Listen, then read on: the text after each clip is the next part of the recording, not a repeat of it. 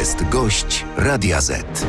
Gościem Radia Z jest Paulina Henik-Kloska, minister klimatu Polska 2050, trzecia droga. Witam serdecznie pani minister. Witam serdecznie. Zaczynamy od krótkiej piłki. To jest pytanie do pani i do naszych słuchaczy. Czy prezydent Duda powinien ponownie ułaskawić Mariusza Kamińskiego i Macieja Wąsika? Tak czy nie?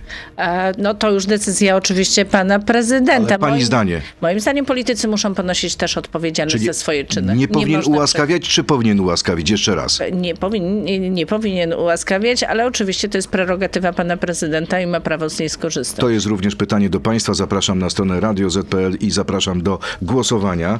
Czy zatrzymanie Mariusza Kamińskiego i Macieja Wąsika to może nastąpić lada moment? To będzie realizacja politycznej zemsty? Panie redaktorze, politycy nie mogą unikać odpowiedzialności karnej za swoje przekroczenia. Sąd stwierdził, że panowie Wąsik i Kamiński przekroczyli swoje uprawnienia. W ten sposób, jak oni działali, zniszczyć można każdego przeciwnika, sterując tak naprawdę też e, opinią publiczną.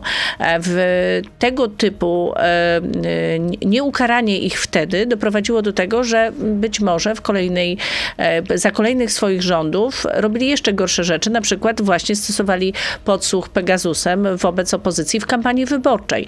Do takich e, rzeczy nie może dochodzić i politycy powinni tak samo jak normalny obywatel odpowiadać za swoje czyny przed sądem, a jeżeli e, popełnili przestępstwo, dopuścili się przestępstwa, trafić do więzienia. Kropka. Y, Czy wie pani, że sędzia Tomasz Trębicki, tak mówi przynajmniej sędzia Stępkowski Sądu Najwyższego, sędzia Trębicki, który wydał wczoraj nakaz aresztowania obu posłów, ponoć nie miał wglądu w akta sprawy, ponieważ one wciąż znajdują się w Sądzie Najwyższym? Nie wiem, czy nie miał akta sprawy. No, dla mnie kluczowy jest wyrok e, Sądu Okręgowego, który zapadł i wiem, że odpisem tego wyroku dysponuje wiele instytucji, między innymi pan marszałek Hołownia podejmując swoją decyzję, taki wyrok w ręce miał. Maciej Więc- Wąsik mówi, że marszałek Hołownia, a propos pana marszałka Hołowni, będzie żałował swoich decyzji, do których skłania go Donald Tusk. Czy marszałek Hołownia konsultuje te decyzje dotyczące wygaśnięcia mandatów z premierem? przede wszystkim ze swoim otoczeniem prawnym, bo pan marszałek Hołownia realizuje wytyczne e, zgodne z prawem.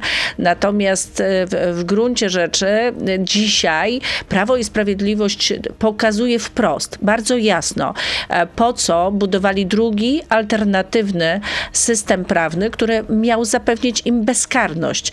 Czy to za czasów rządów, by nie stawali przed niezależnymi e, sądami e, i sędziami, e, czy też e, za czasów, kiedy utracą władzę. Mam wrażenie, że właśnie po to próbowali mieć osobisty wpływ rękami ministra sprawiedliwości Ziobry, prokuratora generalnego, na właśnie decyzję sądu. Pani minister, a nie boi się pani, że pan marszałek Hołownia poniesie pewne koszty wizerunkowe, jeśli chodzi o tę sprawę, które pogrzebią być może jego szanse w wyborach prezydenckich? No bo w drugiej turze musi na niego zagłosować ponad 50% y, osób, Polaków, tak? Nie- nie- Czyli być może też wyborcy PiSu. Czy oni wybaczą marszałkowi Hołowni to, co uczynił politykom PiSu? 8 lat e, obserwowaliśmy władzę, która działa tylko i wyłącznie pod dyktat do kolejnych wyborów, naginając prawo, e, łamiąc to prawo, bądź też e, naginając dyscyplinę finansów publicznych. Dzisiaj te konsekwencje musimy niwelować w resortach. Takiego nieodpowiedzialnego postępowania. Nie można tak rządzić państwem. Państwem trzeba rządzić w sposób odpowiedzialny, stosując prawo. Czyli I dokładnie pan to robi marszałek marszałek Hołownia Hołownia. nie jest instrumentem w rękach Donalda Tuska. Nie jest instrumentem, jest niezależnym, bardzo silnym, mądrym, działającym w majestacie prawa marszałkiem, którego e, obowiązkiem jest i go wypełnia, e, stać na straży prawa i nie doprowadzać do jeszcze większego pogłębienia chaosu prawnego w Polsce. Pani minister, dlaczego pani zablokowała sprzedaż mieszkania Lasów Państwowych e, bratu pana, pana prezesa Obajtka, panu Bartumiejowi Obajtkowi? Bo wpłynęły do ministerstwa, do mojej osoby informacje o tym, że być może ta sprzedaż odbywa się z pod naciskiem, e, że mogło dojść e, do y, wymiany kadrowej, ponieważ osoba, która miała tę decyzję w swoich rękach, nie chciała takiej decyzji podjąć. W związku z tym zmieniono osobę na stanowisku, by decyzja zapadła. W tym momencie wszczęliśmy, wszczęliśmy y, w, tym, w tej regionalnej dyrekcji e, kontrolę i wstrzymaliśmy sprzedaż e, majątku. Generalnie Doszło do złamania, czy czy mogło dojść do złamania prawa? Bo chodziło o sprzedaż z bonifikatą, tak? Chodziło o sprzedaż z bardzo dużą bonifikatą. Ile wynosiła ta bonifikata? 95% e, i mm, chodziło o to, że być może ta decyzja zapadła e, pod naciskiem. Być może, czy nie ma pewności No, jeszcze? ja, do, znaczy, ja dostałam takie zawiadomienie. e, Teraz robimy kontrolę, żeby wyjaśnić, e, czy było uprawnienie do sprzedaży. Tam mówimy o większej ilości nieruchomości. e, Czy było wyjaśnienie, czy było uprawnienie do, do nabycia takiej nieruchomości z tak dużą bonifikatą. E, A po drugie, e, czy faktycznie decyzję wydano pod naciskiem przy niepewnych zmianach kadrowych. Będzie zawiadomienie do prokuratury w tej sprawie? To pokaże kontrola. A co pani zobaczyła w szafach Ministerstwa Klimatu? Dużo braków finansowych. Konkretnie?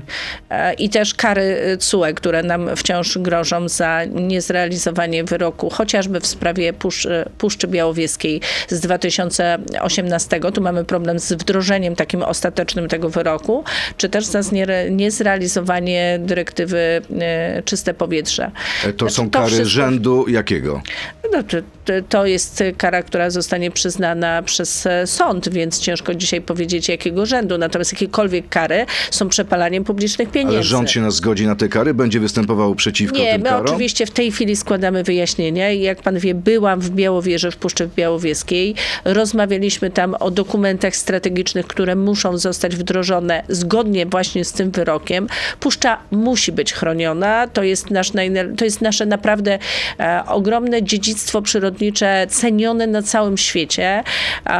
B- byliśmy w Puszczy, e, po, znaczy, y, przeszliśmy też tereny, które były poddane wycince, dewastacji przyrodniczej, I teraz pani podjęła decyzję o wstrzymaniu wycinki w 10 lokalizacjach. E, a tam pisze, Dlaczego? Z jakiego powodu? Właśnie z Wczoraj- powodu ochrony lasów, bo jest ich bardzo mało w Polsce? Nie, podjęliśmy decyzję, bo wycinane są także bardzo cenne starodrzewia albo lasy uzdrowiskowe i nie mogliśmy na to pozwalać. Kto podejmuje takie decyzje? No, Taką decyzję krótkoterminowo na pewne określone tereny może podjąć minister i taką decyzję wczoraj podjęłam, taką środkiem, stosując środek nadzwyczajny. Wskazaliśmy 10 lokalizacji, gdzie mamy drzewa 100-200-letnie, na których ścięcie absolutnie nie możemy pozwolić. Piły z tych terenów zostaną wyprowadzone. Ale to jest wstrzymanie na Natomiast- jakiś czas. E, To jest wstrzymanie na pół roku. To jest czas, by wypracować strategiczne, szersze e, rozwiązanie, które zostanie skonsultowane zarówno z samorządami, e, leśnikami, e, naukowcami e, i też środowiskami lokalnymi, które chcą mieć większy wpływ na to, co dzieje się w ich najbliższym otoczeniu, bo to są też często lasy takie pełniące funkcję społeczną, jak na przykład wczoraj wstrzymana wycinka w lasach trójmiejskich w Trójmieście czy pod Wrocławiem. Więc Czy ograniczy my się pani do tych 10 lokalizacji, czy mogą być kolejne decyzje? planujemy drugi etap jeszcze takiej szybkiej ścieżki. E, Pan minister Dorożała Mikołaj już e, nad tym pracuje e, ze swoimi departamentami. Natomiast docelowo, oczywiście, my zobowiązaliśmy się w kampanii wyborczej wobec naszych wyborców i musimy przejść od słów do czynów e, do ograniczenia wycinki do 20%.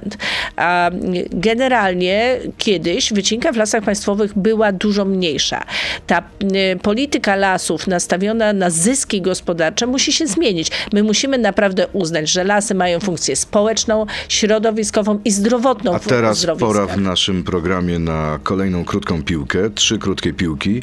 W sprawie wiatraków popełniłam błąd, tak czy nie? Nie, wiatraki muszą powstać, natomiast niepotrzebnie robiliśmy oczywiście ustawę ścieżką poselską. Wycofaliśmy się z tego. Będziemy, pracujemy krótka już piłka. e, ścieżką rządową. Bilety lotnicze powinny być jeszcze droższe, tak czy nie?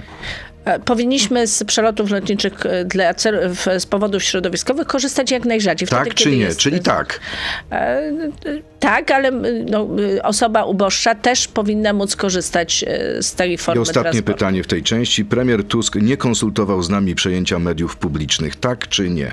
Ja osobiście w takich konsultacjach nie uczestniczyłam. Nie wiem, czy ktoś z Polski 2050, bo nie we wszystkich zespołach pracuje. I mamy wynik naszej sądy na ten moment. Czy prezydent Duda powinien ponownie ułaskawić panów Kamińskiego i Wąsika? Tak odpowiedziało 11%, nie 89% uczestników naszej sądy. Przechodzimy teraz do internetu na Radio Z.pl, Facebooka i YouTube'a. To jest gość Radia Z. Czyli pani zdaniem jest sens podwyższania biletów lotniczych?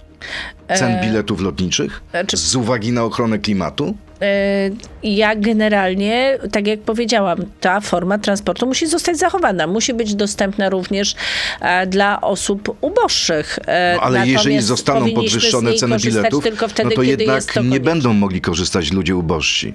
E, No, to, I status ich życia spadnie. Natomiast nie ma, y, znaczy nie chciałabym, żebyśmy na przykład z pieniędzy publicznych dopłacali do utrzymania takich spółek lotniczych e, w sposób ekstraordynaryjny. Niech one się samobilansują. Ale e, LOT powinien być e, koncernem Nie, narodowym. to oczywiście, że tak. A pani Oczywiście, zdaniem tak. będzie to wymóg e, tej dyrektywy Fit for 55? Nie, I nie, będziemy nic mi- zmuszani do tego? Nie, nic mi na ten temat, ale do czego? No Żebyśmy do tego, nie żeby latać? podwyższyć e, Nie, nic ceny mi na ten biletów. temat nie, ach, żeby podwyższyć ceny biletów. Nie, nie, nie wiem, czy tam jest akurat dokładnie Mhm. taki wątek. Natomiast, tak jak powiedziałam, jest to najbardziej, czy forma transportu, która niesie ze sobą największy ślad węglowy. Jeśli mówimy o ograniczeniu tego śladu węglowego, no to właśnie przeloty e, powinniśmy ograniczać z dobrej woli. No ale to wie pani, że to Można będzie się pocie- wiązać z tym, że mnóstwo ludzi nie będzie mogło sobie pojechać na Nie, tydzień na wakacje do Grecji, do Hiszpanii, do Tunezji. Nie, no tak jak powiedziałam. poziom życia spadnie? Nie, tak jak powiedziałam, panie redaktorze, w zakresie, w którym e, przeloty są konieczne, one oczywiście będą. Natomiast e, tam, gdzie możemy z Poznania do Warszawy e, przejechać e, pociągiem, zachęcam do e, najbardziej środ- prośrodowiskowej formy transportu, czyli kolei. Co z ustawą wiatrakową? Kiedy ona powstanie? E, Pan e, minister Miko, e, Miłosz Motyka pracuje dzisiaj. On odpowiada za Pani zastępca, tak? dział- Wiceminister. Wiceminister od spraw energii, zajmujący się działem energia, pracuje nad tymi rozwiązaniami. W tym tygodniu jesteśmy umówieni na spotkanie, by omówić harmonogram prac nad tą ustawą. Czyli kiedy należy spodziewać się, że ta ustawa będzie w Sejmie? I czy to będzie ustawa rządowa? E, Ścieżka resortowa, bo taką pójdziemy, oczywiście, że będzie to ustawa rządowa. e, To jest mniej więcej dwa miesiące, więc e, to Czyli jest pod najszybszy... koniec lutego, Pod koniec na przełomie pierwszego, lutego, marca. Pod koniec pierwszego kwartału chcielibyśmy wyjść z jakimiś Co z tej ustawy wyleci? Które przepisy, które były w, w tych poprzednim rozwiązaniu Mamy- wylecą, a, które, a jakie wejdą nowe? Czy ta ustawa i tak się już zmieniła, bo myśmy nad nią dalej pracowali z prawnikami, e, między innymi z Biura Legislacyjnego Sejmu, ale też e, w grupie posłów nanieśliśmy poprawki, więc ona ewoluowała, ale ta ostatnia jej odsłona nie ujrzała już światła dziennego. Nigdy nie było takiej chęci, żeby e, znieść 500 metrów jako minimalnej granicy dla dużych wiatraków. To był błąd, który nie powinien znaleźć się w ustawie i ta granica na pewno będzie. Natomiast dzisiaj w resorcie mamy dwie ustawy. Jedna, która, jakby, która jest w ministerstwie i druga ta, która została napisana ścieżką poselską. Będziemy wybierać najlepsze elementy z tych dwóch ustaw, tak by powstało najlepsze rozwiązanie. Ja powiem tak, e, wszelkie y, Analizy ekspertów mówią jasno, energia z węgla będzie coraz droższa, energia z odnawialnych źródeł energii coraz tańsza i Ale bardziej będą one Nie dostępne. wiem, czy widziała Pani e, najbardziej informacje ze Skandynawii. Y, Po tych niesamowitych mrozach, minus 41 stopni, tam okazało się, że no, muszą e, zasilać się energią z węgla. Że zielona energia i atom nie wystarczają. Że ceny, przez to, że tam przeszli na zieloną energię w zupełnie innym stopniu niż w Polsce, no jednak idą strasznie w górę. Czy jednak jest sens zrezygnować z węgla tak do końca? wyjątkowe mrozy mogą nieść ze sobą jakieś wyjątkowe potrzeby, natomiast nie sposób nie zauważyć, że za 2023 rok Skandynawia ma najniższą cenę energii, o połowę niższą od naszego kraju, a my jesteśmy w czołówce krajów, które produkują energię najdrożej. Ale w ostatnim tygodniu czwórce. było wielokrotnie więcej niż w Polsce. A, ale tak jak powiedziałam, musimy patrzeć na średnią, bo ta średnia e, e, rzutuje na taryfy, które płacimy. I średnia jest taka za 2023 rok, że Skandynawia ma ceny najniższe w naszym regionie, e, a my mamy ceny najwyższe. W pierwszej czwórce jesteśmy w Europie. Czy Polska potrzebuje więcej parków narodowych? Czy będzie więcej parków? Oczywiście, że tak. Potrzebujemy więcej parków narodowych. Mamy 1% powierzchni kraju, kraju pokrytych e, właśnie parkami narodowymi. Średnia unijna to jest 3%. A, dlatego będziemy tworzyć e, nowe parki. i Będziemy Ile więcej będzie te... tych parków, pani zdaniem? To wymaga dokładnej analizy, ale no chcielibyśmy dojść do chociażby średniej unijnej, to tak, żeby e, nie mieć wstydu w tym zakresie. Czyli realnie Natomiast ile jest to to może być bardzo parków? ambitny, Więcej. O ile bardzo więcej? ambitny cel. Na ten 10, 15, 20? na ten moment będziemy patrzeć, jak powiększyć parki już istniejące. Są różne potrzeby, ale są też społecznie pożądane parki. To jest Dolna Odra, to jest Turnicki. Będziemy y, oczywiście nad tym pracować, ale w sposób w pełni e, skonsultowany z lokalnymi społecznościami, z samorządami. Nie może być tak, nic o nas bez nas. To jest zasada, w I której nie będziemy podejmować ważnych, strategicznych decyzji z zabiórka w Warszawie. Nic w Radiu Z bez naszych słuchaczy. Seria pytań od naszych słuchaczy. Pierwsze Proszę pytanie bardzo. a propos parku. Czy utworzenie Parku Narodowego na Odrze, który ograniczy żeglugę rzeczną z Czech do Bałtyku oraz zablokuje budowę portu kontenerowego w Świnoujściu, jest w polskim czy niemieckim interesie narodowym? Pytam panią, pani minister, jako wyborca trzeciej drogi. A nie jest naszym celem zablokowanie strategicznych potrzeb naszego kraju, więc szukamy takiego rozwiązania, żeby był Wilk City i owca A cała. utworzenie tego parku nie zablokuje transportu E, Można, rzecznego? znaczy, można utworzyć rezerwat, so, czy można utworzyć różne formy ochrony przyrody, które wzmocnią ten obszar. My będziemy pracować nad najlepszymi rozwiązaniami. E, Kolejne pytanie, czy nowy rząd planuje rozszerzyć dotychczasowy program atomowy? Jaka jest realna data otworzenia pierwszego reaktora jądrowego? E, Pracujemy nad tym. e, Przechodzimy w tej chwili audyt właśnie w tej całej inwestycji, również tych projekcji małych reaktorów jądrowych i niebawem będziemy gotowi do odpowiedzi na te podstawowe pytania. I kolejne pytanie. Kolejne niemieckie miasta rezygnują ze stref czystego transportu. Okazało się, że strefy te miały mieć minimalny lub żaden wpływ na jakość powietrza. Czy w Polsce powinny powstawać takie strefy, skoro mają znikomy wpływ na jakość powietrza, a niosą za sobą ogromne skutki dla dziesiątek tysięcy kierowców? E, Prawda jest taka, że strefy są potrzebne, powinny służyć podniesieniu jakości życia. E, W strefach e, d- jednak musi być dobrze rozwinięty transport, by osoby nie posiadające e, samochodu elektrycznego na przykład mogły również swobodnie poruszać się po mieście.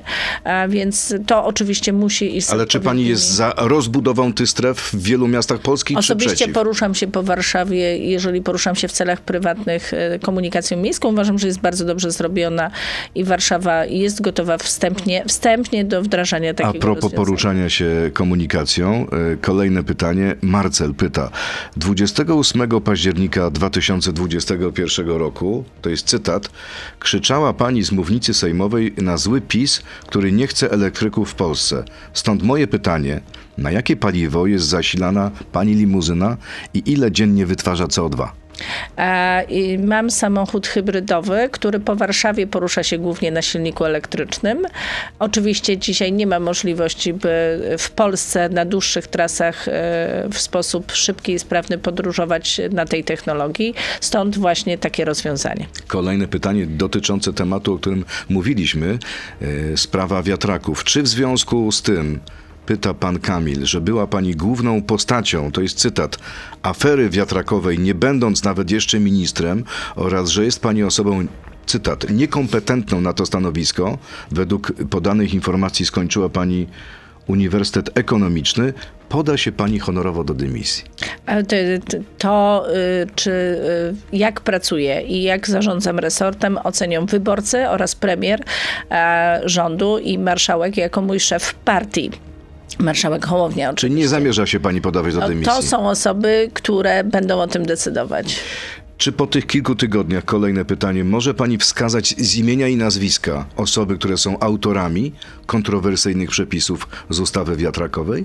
E, tak jak powiedziałam, no, ja myślę, że w tej sprawie naprawdę wyjaśniliśmy już wszystko, co było do wyjaśnienia. No, jak widać, słuchacze są nieusatysfakcjonowani.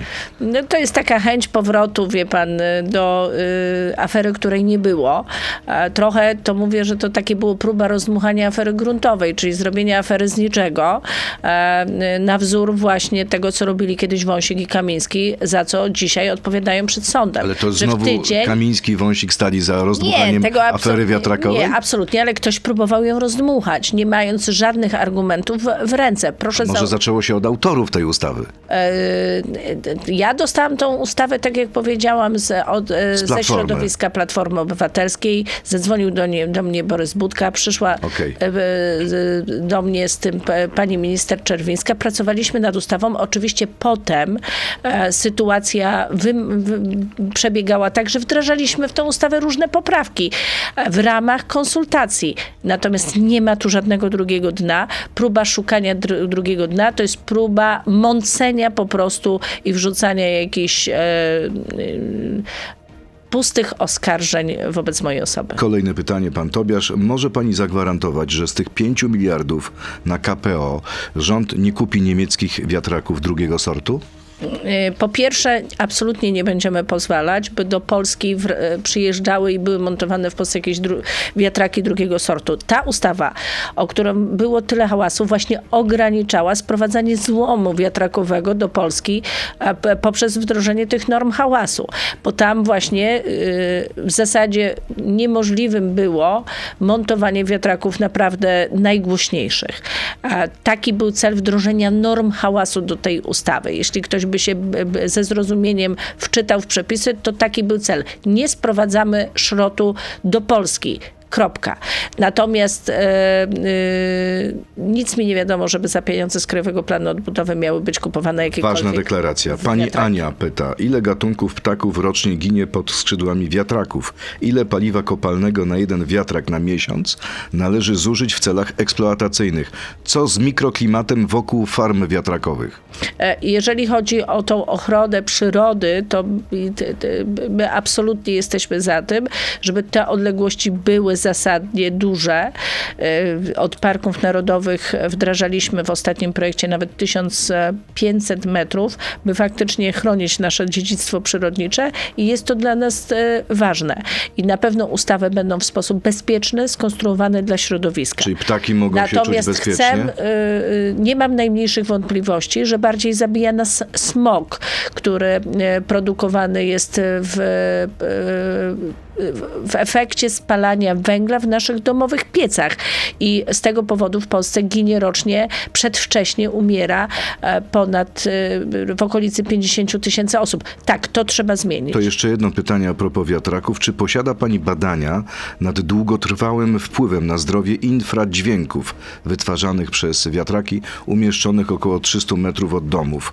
Ilu letnie są takie badania? Na jakiej grupie reprezentatywnej przeprowadzone? Czym wiemy coś na ten temat? E, Tego typu e, oceny e, oddziaływania na środowisko i nasze zdrowie są e, przedmiotem decyzji środowiskowej, która przy takich inwestycjach jest wydawana. Tam ocenia się ten hałas, tam ocenia się też e, tak zwane migotanie cienia e, i to właśnie tu należy wykonywać dobrą pracę. Dlatego w przeszłości decyzje środowiskowe zostały przeniesione z gminy do bardziej wyspecjalizowanej komórki, jakim jest RDOŚ i na pewno tam pozostanie. Pytanie, A RDOŚ musi się profesjonalizować. pytanie małego Majka. Czy posiada już Pani materiały na temat katastrofy Odry i może ujawnić, co tak naprawdę stało się z tą polską rzeką? Czy pozostanie to tajemnicą kolejnego rządu, a za wszystko zostanie obwiniona złota alga?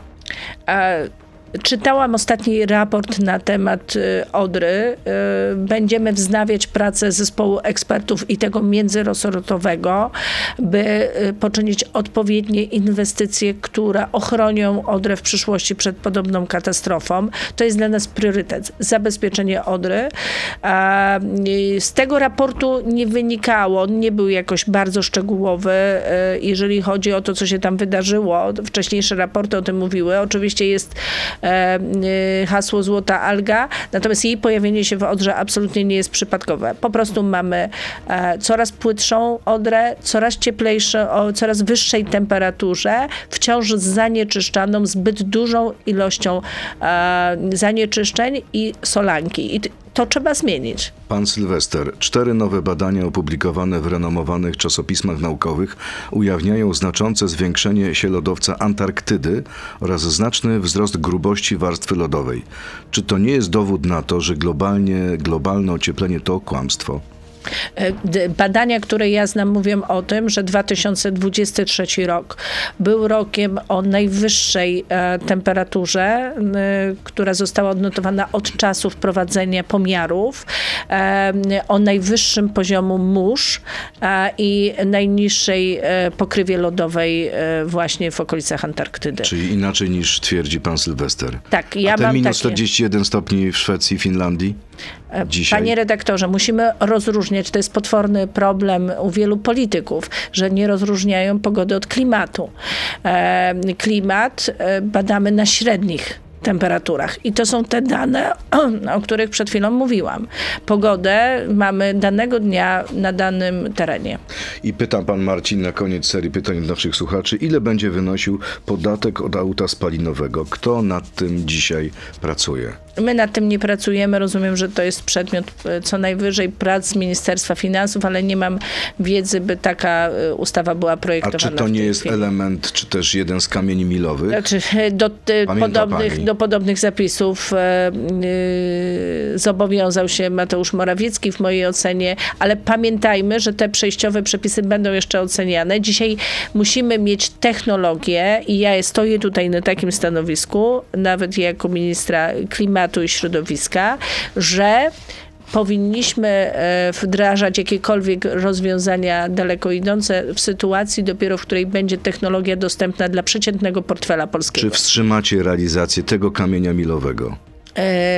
Czy jest tak w ogóle na to szansa? Ja, ja, Renegocjowania tych kamieni milowych. już jest, Dotyczących pytanie- właśnie aut spalinowych. to jest pytanie, które powinno być skierowane do ministra do spraw Unii Europejskiej Adama Szłapki. Ale pani byłaby za czy przeciw? Tak jak powiedziałam, dla mnie, żeby wdrażać tak daleko idące rozwiązania, e, należy najpierw sprawić, by technologie pożądane były bardziej dostępne społecznie. Pani minister Krzysztof Bolesta e, został nowym wiceministrem klimatu, tak? Jeszcze nie został powołany, mam nadzieję, że zostanie powołany w tym tygodniu. Tymczasem jego żona, pani Agata Staniewska-Bolesta, jest dyrektorem w polskiej filii duńskiej spółki Ørsted z branży energetyki, energetyki wiatrowej. Czy tu nie ma konfliktu interesów? No właśnie stęk w tym, że pan e, minister Bolesta, i bardzo się cieszę, że mogę to wyjaśnić u pana, nie będzie zajmował się energią, tylko będzie zajmował się klimatem, będzie się zajmował właśnie e, współpracą z Departamentem Elektromobilności. Mamy ogromne zaległości w wypełnieniu dyrektywy, a pan Krzysztof Bolesta jest świetnym ekspertem właśnie od elektromobilności.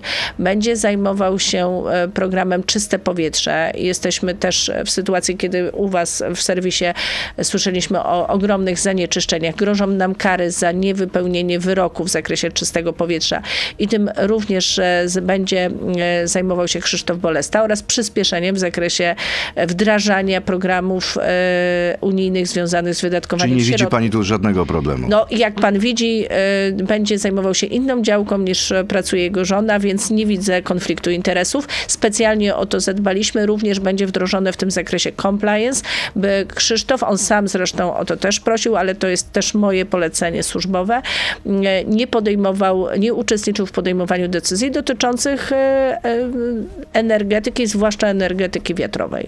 Wall Street Journal pisze, że polscy urzędnicy opierali się współpracy w międzynarodowym dochodzeniu w sprawie sabotażu gazociągu Nord Stream i nie ujawnili potencjalnie kluczowych informacji. To oznacza, że Polska, z, z tego co mówi ten amerykański e, dziennik, maczała w tym palce. Pani sobie, pani sobie wyobraża, że to było możliwe? Nie mam wiedzy na ten temat, natomiast oczywiście powinniśmy pracować nad wyjaśnieniem tej sprawy w y, interesie y, Rzeczpospolitej, zapewnienia naszego bezpieczeństwa energetycznego i bezpieczeństwa strategicznego. Tekst sugeruje, że Polska mogła być w jakiś sposób zamieszana w wysadzenie tego gazociągu i, i europejscy śledczy chcą się teraz zwrócić do rządu Donalda Tuska, żeby pomógł e, w tym śledztwie? Czy rząd powinien otworzyć się na oścież i powiedzieć wszystko śledczym na ten temat, czy jednak nie? To jest decyzja oczywiście w zakresie, znaczy ja nie wiem, jakie informacje są tajne, ściśle tajne, klauzulowane, bo takimi też dysponuje rząd i e, to już e, będą się tym zajmować Bo wie pani, jaka jest hipoteza? Hipoteza jest Służby, taka, obrona, Że tego aktu sabotażu dokonali Ukraińcy, którzy byli na terytorium Polski, czyli po prostu prawdopodobnie mogli wypłynąć z jednego z portów na Bałtyku. I pytanie jest następujące. Czy jeśli polski rząd poprzedni przymknął na to oko, to jest to w polskim interesie, czy nie jest? Panie redaktorze, polski rząd musi też postępować zgodnie z prawem międzynarodowym. E, I tą konstatacją zakończyłabym swoją wypowiedź w tej sprawie. Czyli nie byłoby zgodne z interesem. Nie, no my musimy wypełniać interes narodowy, jak najbardziej, ale też, e, tak jak powiedziałam, wypełniać prawo międzynarodowe. Pani minister, na To koniec... był atak na infrastrukturę naszych, e, jednak co by nie powiedzieć, sojuszników. Tak, czyli infrastrukturę niemiecko-rosyjską. No, no ale ty, ty, po stronie niemieckiej. No to nasz sojusznik, tak. To sytuacja rzeczywiście skomplikowana. E, Na koniec, za kilka godzin w Sejmie pojawi się Jarosław Gowin. Będzie zeznawał przed komisją śledczą. Spodziewa się pani jakiejś bomby? Spodziewam się i oczekuję e, od pana premiera, że e, powie prawdę, bo czas wyjaśnić, e, kto i dlaczego za wszelką cenę próbował przeprowadzić w Polsce wy, wybory z pominięciem nadzoru Państwowej Komisji Wyborczej. Ja dobrze pamiętam ten czas. Pamiętam nocną Komisję Finansów Publicznych, gdzie do ustawy zupełnie w innym obszarze nagle wpłynęła poprawka odsuwająca PKW od wyborów, od nadzoru nad przebiegiem wolnych, demokratycznych wyborów w trudnych warunkach covidowych. E, To był główny zarzut kierowany e, wobec e, tego procesu. E, I ja dzisiaj naprawdę chciałabym e, usłyszeć, kto i w jakim celu brnął, by przeprowadzić wybory w Polsce bez nadzoru PKW. Czekamy więc na zeznania Jarosława Gowina. Bardzo pani dziękuję. Paulina Henik-Kloska, minister klimatu Polska 2050, trzecia droga, była gościem Radia Z. Dziękuję i miłego dnia. Dziękuję bardzo. Dziękuję bardzo. To był gość Radia Z. Słuchaj nas w Radio Z i na player radioz.pl.